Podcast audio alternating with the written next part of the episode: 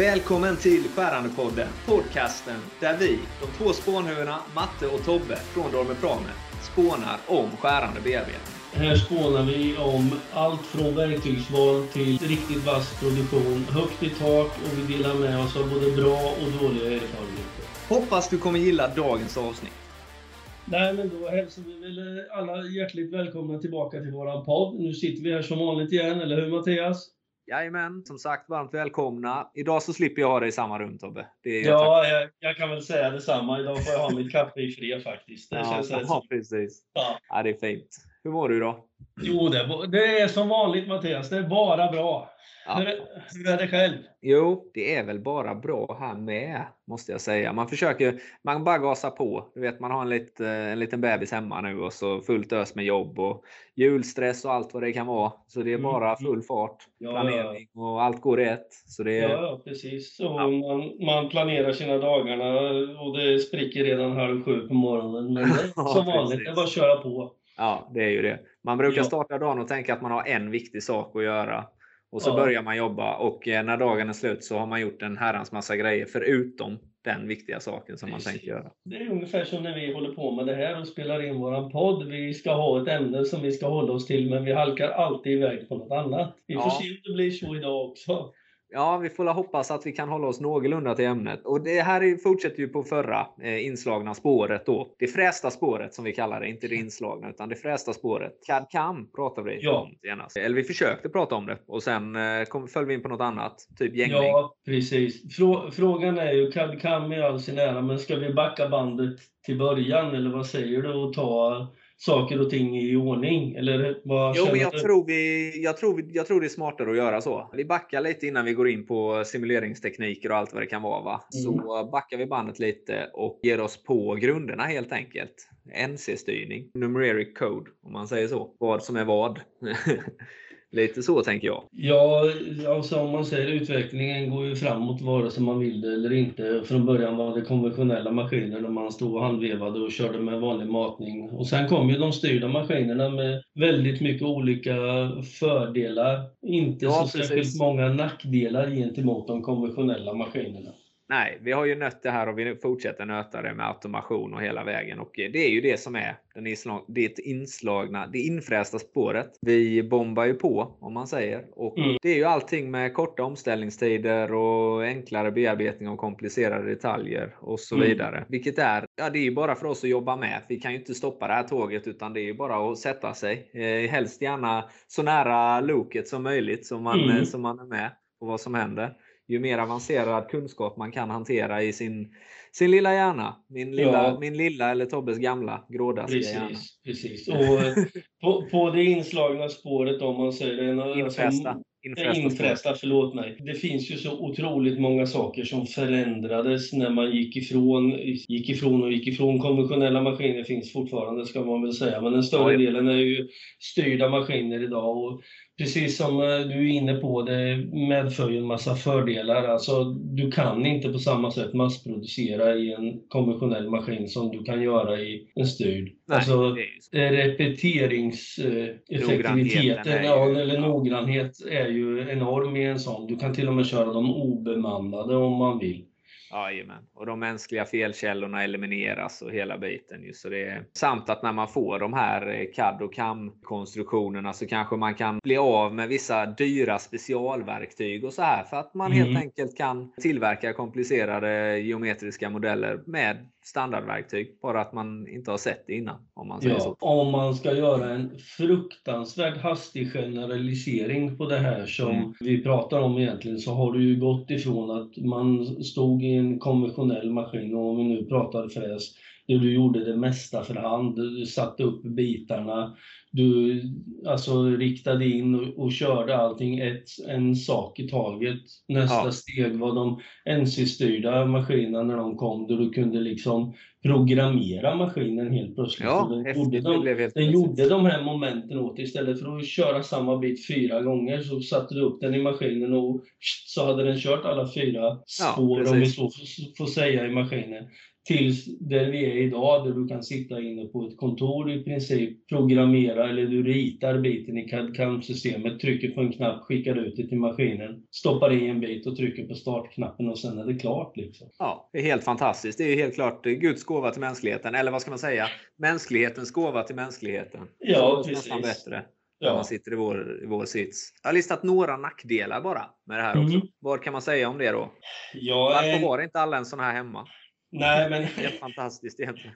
Ja, ja det vore väldigt ha. fantastiskt. Nej, men eh, för att svara på den absolut första frågan varför inte alla har den hemma, det är väl något som är i ropet i, i dagens samhälle också. Det är väl energi. Nej, men strömmen räcker väl inte till i garaget hos alla. Annars skulle väl alla ha en.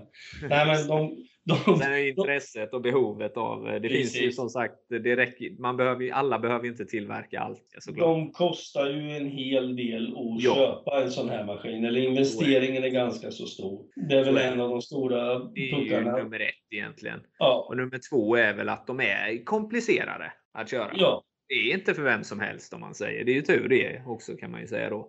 Nej, Men eh, precis. det, så är det ju. De är Sen, sen är, att handhålla, utnyttja och de kan vara jäkligt krångliga att reparera också. ja, Har jag märkt något går sönder. Precis, och någonting som faller in under det här med datateknik är ju också att det föråldras ganska så fort, tekniken i dem. Det är precis som vilken dator som helst, så Ja. komponenter och allting sånt blir föråldrat och börjar de närma sig kanske till och med, ja inte tre år, men pratar vi 10-15 år på en NC-maskin så börjar det faktiskt bli svårt att få fram reservdelar. ja, lite så är det ju. Ut, utvecklingen går så snabbt framåt. ja, det går så jäkla snabbt man vill ju bara, man vill ju bara tillverka det senaste. eh, Mm. Och vara på den eh, delen egentligen. Och så är det Mm. någon, sitter man på en maskin som är lite äldre, då vet man att ja, det kräver mycket underhåll och så. Mm. Eh, och jag vet ju mycket väl att maskintillverkarna kämpar ju konstant med att förenkla det här. Mm. Framförallt att förebygga, förekomma innan problemen dyker upp. Mm. Lite så är det ju man jobbar. Man har ju inbyggda testpaneler och testprogram om man säger. Eh, inbyggda anordningar finns i maskinerna eh, som signalerar efter ett fel och sen visar var det har uppstått någonstans och sådär. Och så försöker man dela in det i vissa komponenter då som ska vara lättare att byta ut. Då. Men det är just dessa komponenterna som, som snabbt blir gamla. Eh, Ja. och till slut blir de så pass dyra att man kanske likväl kan köpa en ny maskin. Det är lite som när kamremmen går av på min gamla bil som jag hade för några år sedan. Då var det lika bra att skrota hela och köpa en ny bil istället. Men, Precis. ja, precis. kan det ju vara. Ja, så är det. Så är det. Ja. En sån här grej som eh, kom som option eh, under min tid som operatör och det kanske är options idag också eller om det är mer eller mindre standard. Det är det här med skärkraftsövervakning i maskinerna. ja, just det. Det räddade, har räddat ganska mycket kan man säga, speciellt när du kör obemannat. Då känner Ja. maskinen av motståndet. Precis. Det, alltså, det finns ett beräknat värde, så här tungt ska det gå, så här många kilowatt ska det, krä, krävs det för att Jajamän. driva det här. Går det för lätt, då har till exempel borret kanske gått av och då stannar maskinen. Går det för tungt, då kanske borret är alldeles för utslitet eller alltså skäret kan vara nerslitet eller så. Och då stannar maskinen Precis. istället för att den harvar vidare så att säga och slår sönder både komponent och delar i maskinen. Precis. Ja, det, och det, kan ju, det gör ju stor skillnad. Alltså, det kan vara man ska testa och jämföra två skär mot varandra, hur pass känslig man har en sån. Det är Mm. fantastiskt bra att kunna se det. Det har man ju fått eh, många fina resultat på, bland annat när vi testar nya skär. Ja, ja, absolut. Det är ju fantastiskt roligt. Ja. Eh, Så den delen är ju, det är ju en riktigt fin funktion tycker jag. Mm. Men men, lite, det var lite det. Fortfarande lite bakgrund. En bit kvar innan vi når CAD-CAM om man säger. Men ska vi Ja. börja kolla lite om informationsöverföringen då? Hur får du in informationen till din styrda maskin? Ja, det finns ju många olika sätt. En del, Ja, alltså, såklart. Men om ja. vi säger enklast möjliga. ja, det är väl egentligen att ISO-programmera om vi så säger. Man skriver, man skriver in ISO-koden direkt i maskinen eller alltså Precis. på datorn och sen skickar man in programmet i maskinen. Det är väl egentligen kanske ett annat sätt. Men det finns ju och det är ju liksom G-koder, M-koder är väl egentligen i princip detsamma som det alltid har varit. Det är det ju. Vad kan man säga om det? Ja, det styr själva, det styr själva bearbetningen, programmeringen då kan man ju säga. Sen så finns det ju en eh, klassisk, den här ASCII-tabellen då. Siffror som görs om till bokstäver då. Och det är information om, eh, om detaljen då, kort och Mm. gott kan man ju säga. Precis. Eh, för att förenkla det. Vad kan vi, vad kan om man- säga? om man Ska vi dra några exempel på det? Ja, det kan man göra. Men alltså, om man ska bara förklara lite om G-koder och M-koder.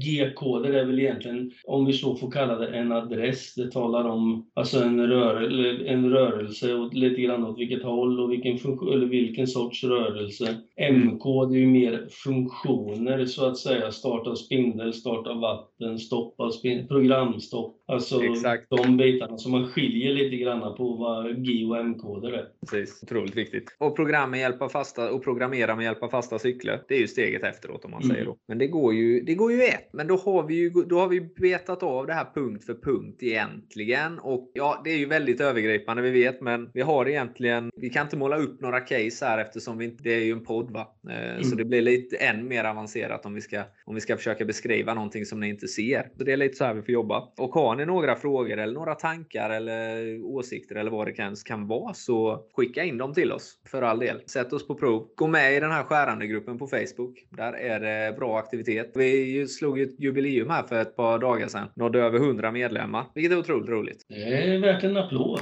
Ja, tryck på den här knappen så här som de har i radio. Så, så Precis. ja, så hörde ja, publiken skrika som när Zlatan gjorde Bessikletan mot England. Typ.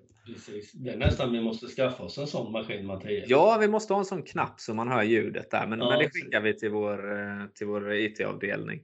Vår, vår producent. Jajamän, vår fantastiska ja. producent Susanne som jobbar i det i, det, i bakgrunden här. Precis. Men eh, jag känner, jag känner att vi har precis som vanligt hamnat på något helt annat än det vi tänkte oss på. Vi har eh, pratat på ganska länge men eh, vi har fortfarande inte kommit till CAD-CAM så vi får nog faktiskt fortsätta på den i ja, nästa men vi, avsnitt vi, vi, också. Vi, vi närmar oss i alla fall. Ja, ja. Och jag, jag, tycker vi har betat av många viktiga punkter idag faktiskt. Ja, absolut. Eh, och det, kom, det kommer komma mer. Så ni som lyssnar med eh, allt tålamod i hela världen och väntar på att vi faktiskt ska prata om CAD-CAM, ni, ni får, får ha lite mer tålamod. För det kommer.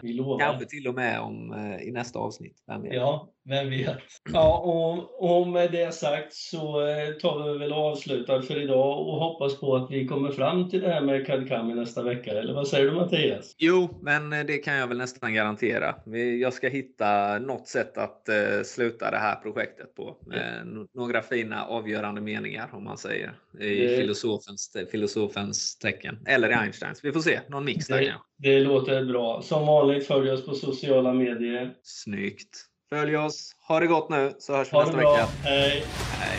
Ett stort tack till dig som har lyssnat på vår skärande podd idag där vi som vanligt har spånat vidare om verktyg och produktionsteknik, erfarenheter av alla slag. Och vill du fortsätta att spåna med oss så joina gärna våra forum på Facebook, gruppen Skärande bearbetning, där påntagningen aldrig tar slut. Har du njutit av dagens avsnitt, låt det synas med en liten like, en liten kommentar eller med en liten review. Ha det gott så hörs vi nästa gång. Ha det bra så hörs vi vidare.